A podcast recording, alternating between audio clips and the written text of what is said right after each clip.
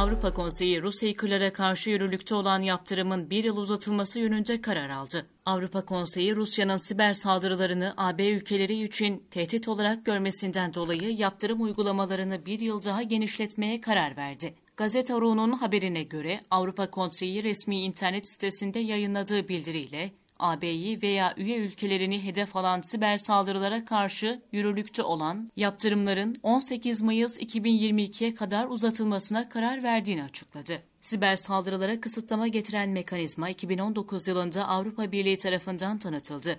İlk yaptırımlarsa 2020 yılında Rusya, Çin ve Kuzey Kore vatandaşlarına uygulandı. Haberde yaptırımların şu anda 8 kişi ve 4 organizasyona uygulandığı bilgisi yer alırken söz konusu yaptırımların kapsamının varlık dondurma ve Avrupa Birliği üye ülkelerine seyahat yasağı şeklinde olduğu belirtildi. Öte yandan yaptırım uygulanan kişilere Avrupa Birliği üye ülkelerinden hem gerçek hem de tüzel kişiler tarafından fon sağlanmasının da yasak olduğu bilgisi Rus gazetesi tarafından paylaşılan bilgiler arasında. Rusya Dışişleri Bakanlığı Sözcüsü Maria Zaharova, Mayıs ayında yaptığı bir basın toplantısında yaptırımların hem Batı hem de Rusya için ciddi ekonomik kayıplara sebep olduğunu açıklamış ve bu durumun Batı'nın Rusya'nın bağımsızca hareket edebilen bir ülke olduğunu kabullenememesinden kaynaklandığını belirtti. Ayrıca Zaharova söz konusu yaptırımları çaresizce hareketler olarak nitelendirmişti.